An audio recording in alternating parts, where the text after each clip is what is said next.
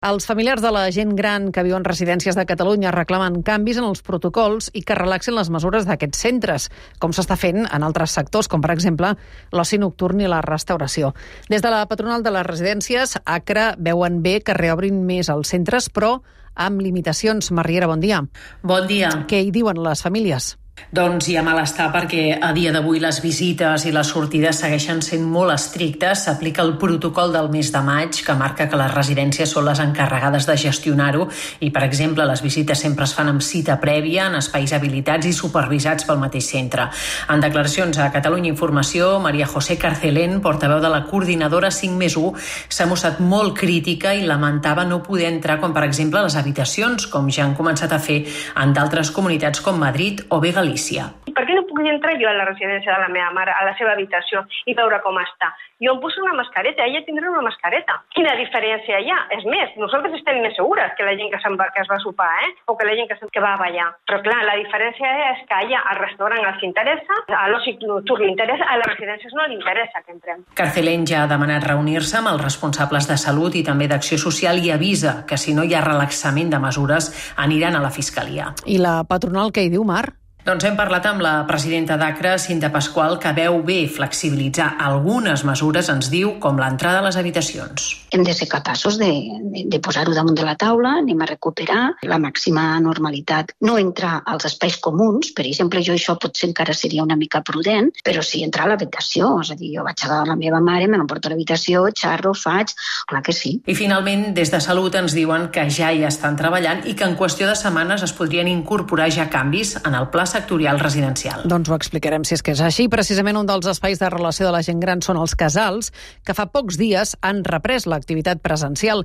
Ens hem acostat a un casal de Sabadell que, amb els avis ja vacunats, ha tornat a omplir aquest matí la seva sala principal amb classes d'aeròbic, dansa i estiraments. Miquel Jarque, Sabadell, bon dia. Hola, molt bon dia, Marta. I avui deu haver estat un dia de retrobaments. Sí, sí, tot i que moltes activitats s'han mantingut amb streaming o per YouTube, però clar, avui al casal de l'antic mercat de Sant Joan, el poder veure's en persona era un plus. Mira, sentim la Núria i la Maria del Pilar. Per mi no té res que veure. Fer-ho a casa, si no tens més solució, ho fas a casa, però a mi m'agrada molt el contacte amb el professor, que et rectifiqui si no poses bé l'esquena, i a mi m'agrada fer-ho Ara m'he tornat a retrobar doncs, amb, les, amb les de biodança, amb les de gimnàstica, amb un altre d'estimat que han fet, vull dir... I ha sigut impressionant, perquè ho han passat molt malament i darrere de tot això doncs, estem superanimades i, i super molt bé, la veritat puc donar fe de que estaven supermotivades. Eh, és una mostra d'aquesta represa en l'activitat dels casals que són molt actius arreu del país i amb molts usuaris. Mira, només a Sabadell hi ha 23 centres cívics amb uns 8.000 usuaris. És una represa gairebé total perquè hi ha una activitat molt demandada que encara no es fa són els balls que s'organitzaven als casals amb un DJ o amb una petita orquestra. Això encara, doncs, Marta no ha tornat. Haurà d'esperar una mica. Escolta, Miquel, eh, des de l'organització, com es valora, com estan o com han tornat aquests avis després del confinament? Doncs en general estan pitjor, en tots els sentits. Sònia Sala és regidora de cicles de vida de Sabadell. Gent que era molt activa, que participava, ara no pot sortir de casa perquè gairebé no pot caminar o no, no té...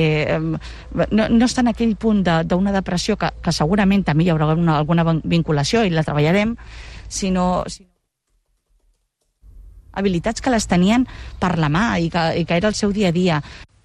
Per tant, han passat factura un cop més la salut mental, que també eh, surt d'aquest postconfinament com una de les seqüeles principals. És per això que els casals, ja de cara al curs que ve, generalitzaran i reforçaran les activitats que continguin elements d'estimulació psicològica. Hauran de fer molta més feina, està clar.